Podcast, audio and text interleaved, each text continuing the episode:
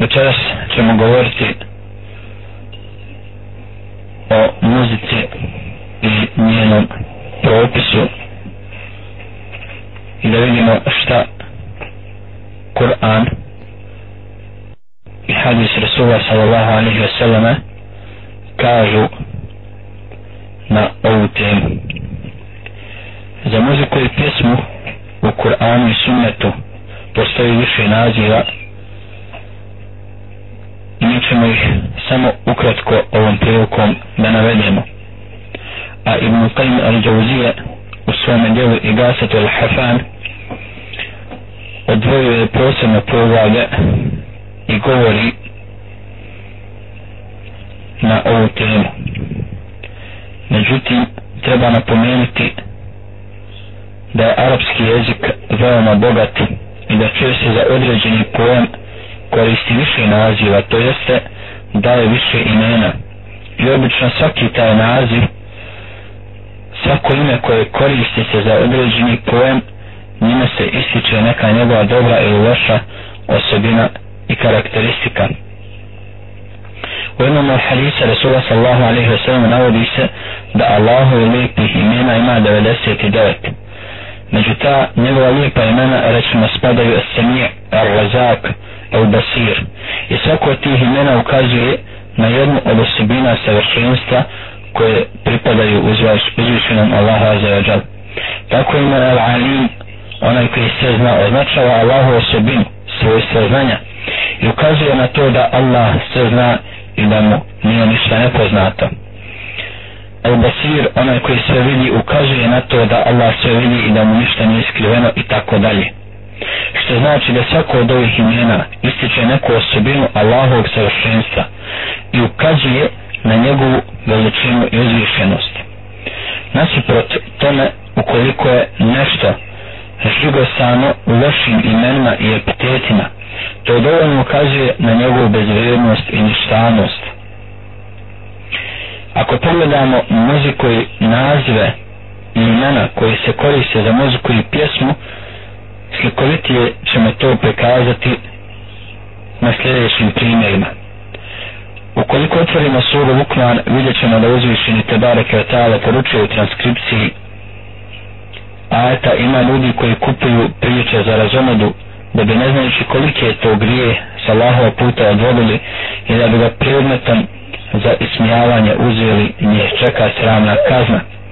U ovome ajetu prema većinu fesira Allah subhanahu wa ta'ala muziku i pjevanje naziva pričama za razonodu.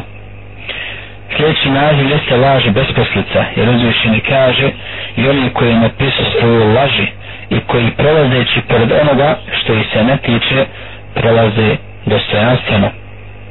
Mohamed ibn Hanefije kaže laž se ovdje odnosi upravo na pjesmu, odnosno muziku. Što se tiče besposlice lagu, to je širi pojam i obuhvata različite aktivnosti, a jedna od njih jeste i pjesma. Ibn Vahbu kaže, pričao je Suleiman ibn Bilal od Kesira ibn Zeyda da je čuo ibn Allaha kad je pitao Kasima ibn Muhammeda šta ti misliš o muzici to je neistina odgovor El Kasim znam da je to neistina. Pa šta misliš o tome u on? pa šta misliš ti kaže gdje završava neistina odnosno batil?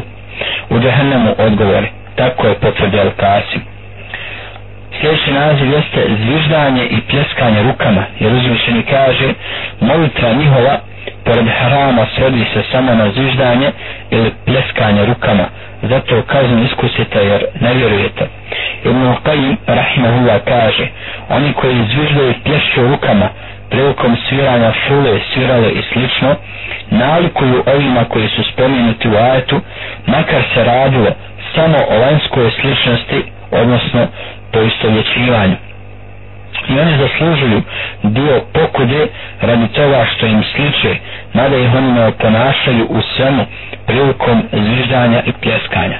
Allah subhanahu wa ta'ala nije propisao muškarcima pljeskanje rukama kad se nešto desi prilikom obavljanja namaza nego im je naređeno da to ostave i da kažu subhanallah kako ne bi oponašali žene.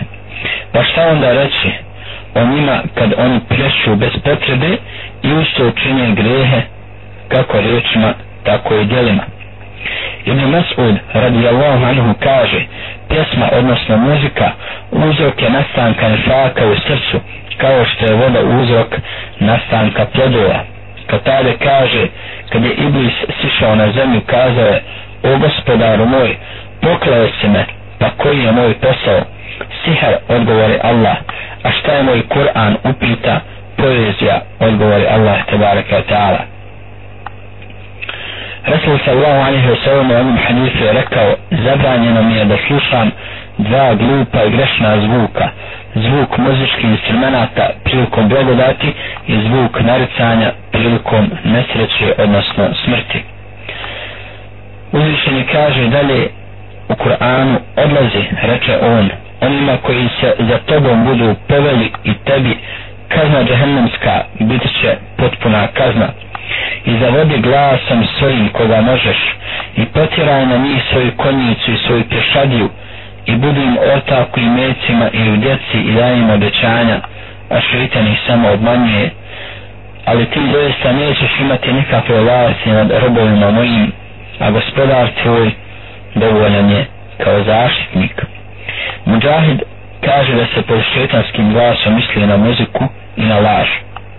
Aisha radijallahu ta'ala anha kaže ušao je kod mene Rasul sallallahu alaihi wa a kod mene se nalazile dvije sarijske djevojčice koje su pjevale o onome o čemu su se prepilale ensari u vezi s biskom Muaz. Naslonio se na postelju i okrenuo lice. Nakon toga došao je Abu Bakr radijallahu anhu izružio me i kazao za šeitan ahima kod vjerovjesnika sallallahu alaihi wa sallam. Allahu poslanik Rasul sallallahu alaihi wa sallam mu reče pusti ih Abu Bakra a kad on nije vidio ja sam im namignula i one su izašle. 13. izraz koji ćemo spomenuti za muziku jeste bezbrižnost jer odvišeni kaže pa zar se ovom govoru suđavate smijete se a ne plaćete nego ste bezbrižni odnosno u ajetu stoji sami dun. Ikrime prenosi od Abdullah ibn Abbas da rekao je sami dun na narjeću plemena Humeir označava muziku. A Mujahid je rekao to je muzika na narjeću stanovnika Jemena. Tako se za nekoga kaže da je samid ako pjeva uz muziku. 14. naziv je podsticaj na blud jer Fudajl ibn Iyad rekao je muzika je podsticaj na blud ima i onih koji žele da ubace drugi pojam u muziku kako bi je ublažili, odnosno halalili, pa su je nazvali duhovnom muzikom. A pod pojemom duhovna muzika obično se podrazumijeva slušanje klasične muzike. A u nas taj pojam, odnosno kod bošnjaka, poprima sasvim drugo značenje – ili mu se bar pokušava pridodati to značenje, a to je da se pod duhovnim upravo misli na ono što je vjersko. Tako se pojam duhovna muzika pokušava izmijeniti da se odnosi na vjersku muziku. A ljudi koji predstavljaju vjeru organizuju razne muzičke koncerte i opravdavaju to time da se radi o duhovnoj muzici, a ne o običnoj. Jer obrazlažu to time da obična muzika nije dozvoljena, ali je zato tu duhovna muzika koja će nadomestiti. Pa se onda nameće pitanje, da li je takva muzika dozvoljena ili ne i kakav je stav Islama o toj duhovnoj muzici. Jedna od bitnih karakteristika Islama i islamskog prava jeste da ne pridaje važnost nazivu nego suštini. Tako je i ovdje. Bez obzira na to što se ta muzika naziva duhovnom, ona je u biti samo muzika i radi toga nije dozvoljena po islamu. I tu ovdje treba da se osvrnemo na jedno važno fiksko pravilo koje glasi da mijenjanjem imena pojma ne mijenjaju se njihova bit. To možemo pojasniti na primjeru alkohola i kamate. Što se tiče alkohola, manje više poznato je da ga ima više vrsta i te vrste nose različite nazive vino, brendi, šljivovica, viski i slično i one su bez iznimke sve zabranjene. Pa da li će onda takav alkohol biti halal ako mu dodamo epitet duhovnog pića, kao da ga nazovemo duhovno vino, duhovni brendi i slično? Naravno da neće se i dalje radio istom tom alkoholu. Potom ako pogledamo kamatu, možemo vidjeti da u nekim zemljama neke banke ili većina radi na kamatnom sistemu, a poznato je da je kamata po islamu haram i zato su te banke pribjegle jednom lukarstvu.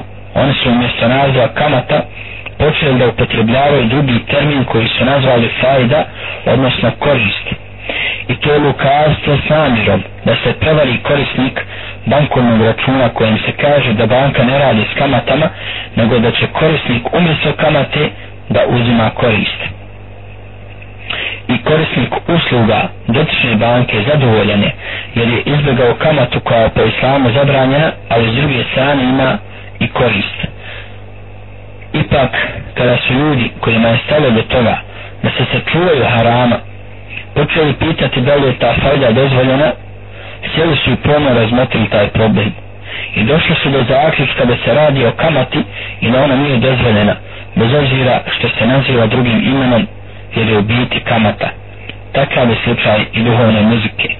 Nije važno da li će se ona zvati duhovnom ili islamskom, ili će se dati neko drugo ime. Ona i dalje u suštini ostaje muzika i samim tim potpada pod propis koji se odnosi na muziku. Širom islamskog svijeta muzika zauzima sve značajnije mjesto kod muslimana i uvlači se njihov život. Tako se sebe prave uz muziku. Rođenje djeteta proslavlja se uz muziku. Ramazan dočekujemo uz muziku i slično. Muzika vrlo brzo pronalazi sebi mjesto i ilahijama tako da se žene počne izvoditi uz muziku.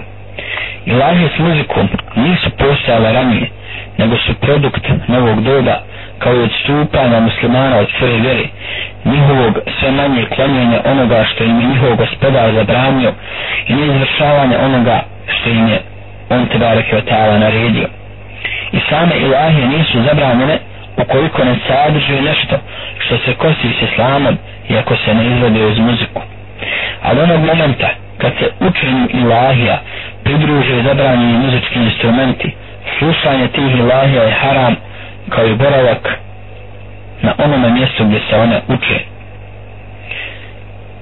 Pa kako pravi iskreni vjernik može biti zadovoljan da čuje spomen Allahovog imena. Ili imena nekog od njegovih poslanika zvu, uz zvuke gitare, flaute i nekih drugih zabranjenih muzičkih instrumenta kada Allahov poslanik sallallahu alaihi wa sallame muziku naziva glupim, grešnim zvukom. Kako pravi vjernik može slušati izgovaranje Allahovog imena uz grešan zvuk? Kako pravi vjernik može slušati ime nekog od Allahovih poslanika uz tupi, glupi zvuk pa za nema nam imalo stida od Allaha za ođa. neki se slažu s tim da su ilahi s muzikom haram ali ih izvode radi toga kako bi tako reći obične muslimane privukli u islam ali tako ne smijemo i ne možemo da razmišljamo jer nameće se pitanje da li čineći grijeh možemo imati nagradu ili ne? I šta ako se organizuju koncerti ilahija s muzikom? Da li će ljudi koji dođu na taj koncert da promijenu svoj odnos prema Allahu azzawajal da se pokaju i da postanu pravi vjernici koji će se kloniti svih grijeha pa i slušanja muzike?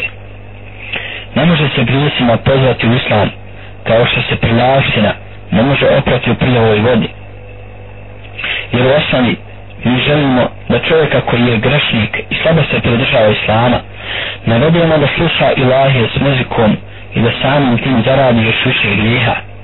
A mi kažemo da to činimo kako bismo ga privukli u islam i naveli da se strogo pridržava islamskih propisa a to je očiti absurd i onda ljudi onome koji ih poziva na dobro vide uzor pa kakav uzor je onaj koji svjesno grijehe čini a poziva drugi da ih se klonu. Uzvišen nam poručuje ovi koji vjerujete bojte se Allaha istinskom bogobojaznošću i umirite samo kao muslimani. O ljudi bojte se gospodara svoga koji vas od jednog čovjeka stvara a od njega je zugu njegovu stvorio i od njih dvoje mnoge muškarce i žene rasijao. I Allaha se bojite s imenom čim jedni druge molite i rodbinske veze nakidajte jer Allah u istinu stalno nad vama bdi.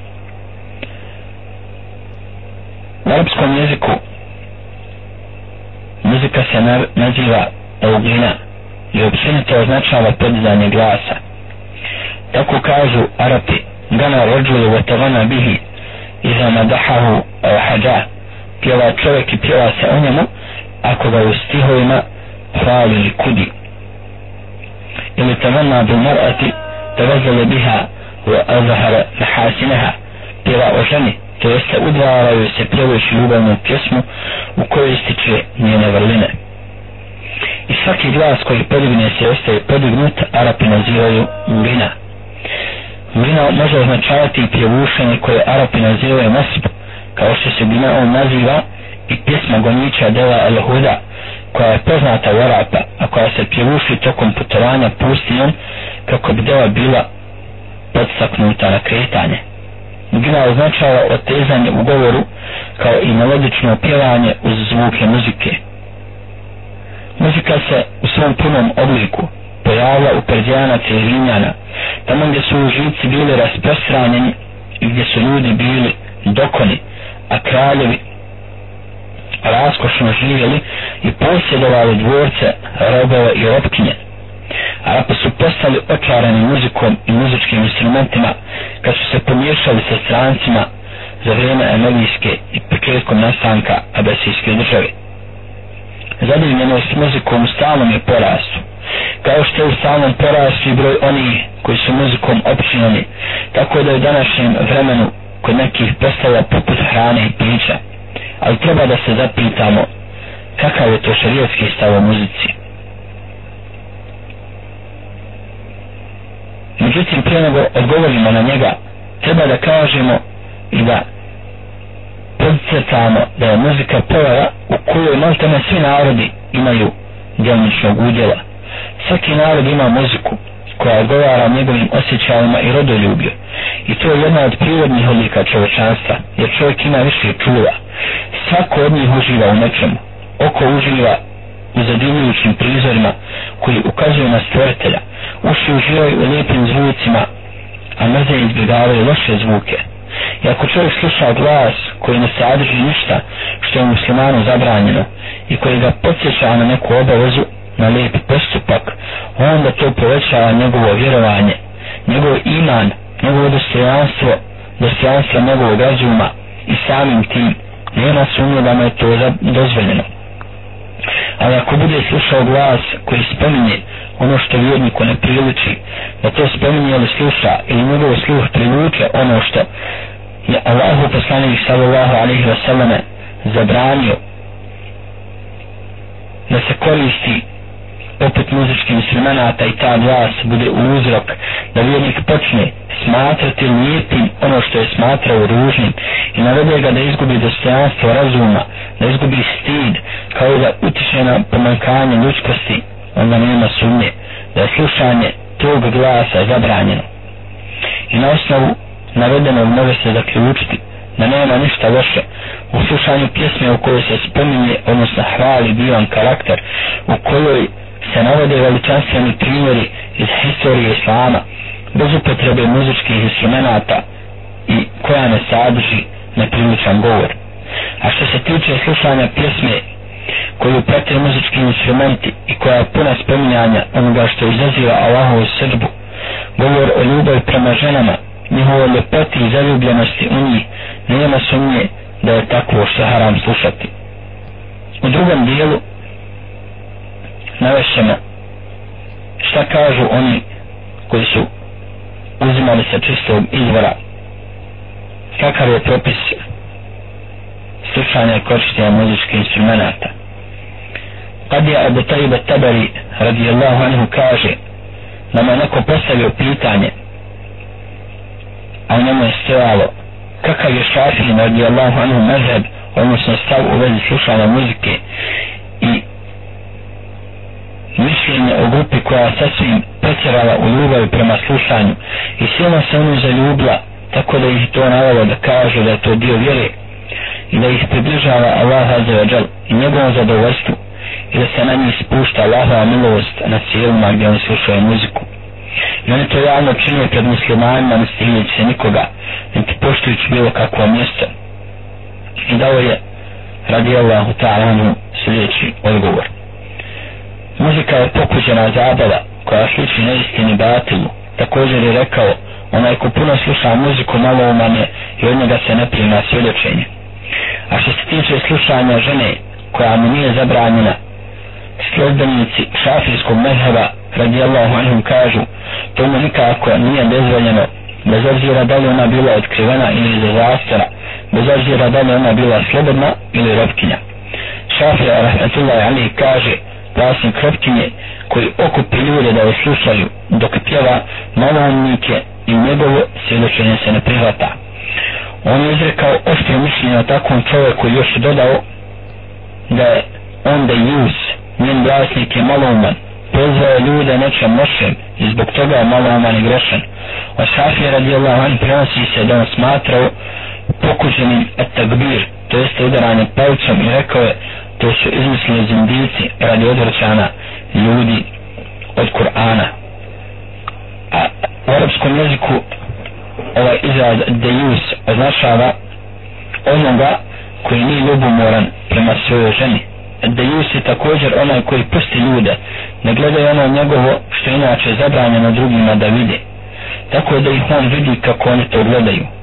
On kao da je sebe učinio blagim pogled toga i hadis se navodi u dženet je zabranjen da Jusu a to je onaj koji nije ljubomoran prema svojoj supruzi Šafi radijallahu an u djelu Adabul Kali kaže pokuđeno je po hadisu igranje tale, dok ja smatram pokuđenim igranje s rupama, a to je drvo kojim se kopa rupa, kao sve čime se ljudi igraju, jer igranje nije jedna od osobina vjernika, niti ljudskosti. U tom djelu kaže sljedeće, nema prepreke u melodičnom učenju Kur'ana i uljepšavanju glasa prilikom učenja na bilo koji način, a meni je najdraže brzo i tužno učenje. Što se tiče imana Malka ibn Anasa radijallahu anhu, on je zabranio muziku i njeno slušanje i kazao, ako neko kupi služavku koja pjeva, onda ima pravo da je vrati, pošto je ona s mahanom. To je mezheb svih ostalih stanovnika Medine, osim Ibrahima ibn Saada. On kaže, Abu Jahja o Sahimi u svojoj knjizi navodi da on u tome nije vidio neke velike zapreke. Što se tiče imana Abu Hanife, rahimahullah, on to smatra pokuđenim, mada je dozvolo da se pije al musallas, dok slušanje muzike uvrštava u grijehe. To je mezheb i ostali stanovnika Kufe, potom Sufjana Seurija, Hamada, Ibrahima, Nahaja, Šabija i drugi. I nema razilaženja među njima u vezi s tim. Isto tako nije poznato da se u pitanju pokuđenosti muzike i njene zabrane koje iz razilazi, osim što prenosi se od Ubejdullaha ibn Hasana Lamberija, da on u tome nije vidio ništa loše. Iako je to pouzano preneseno, ipak su se alimi iz različitih krajeva složili da je muzika pokuđena i zabranjena, mada se smišljenim većine razilaze dva čovjeka, Ibrahim i Ubejdullaha, a Rasul sallahu alihi wasallam kazao je pridržavajte se većine, odnosno velike skupine. Što se tiče pojma u musalles, to je ono što se stavilo da kuha, pa je od toga ispravilo dvije trećine.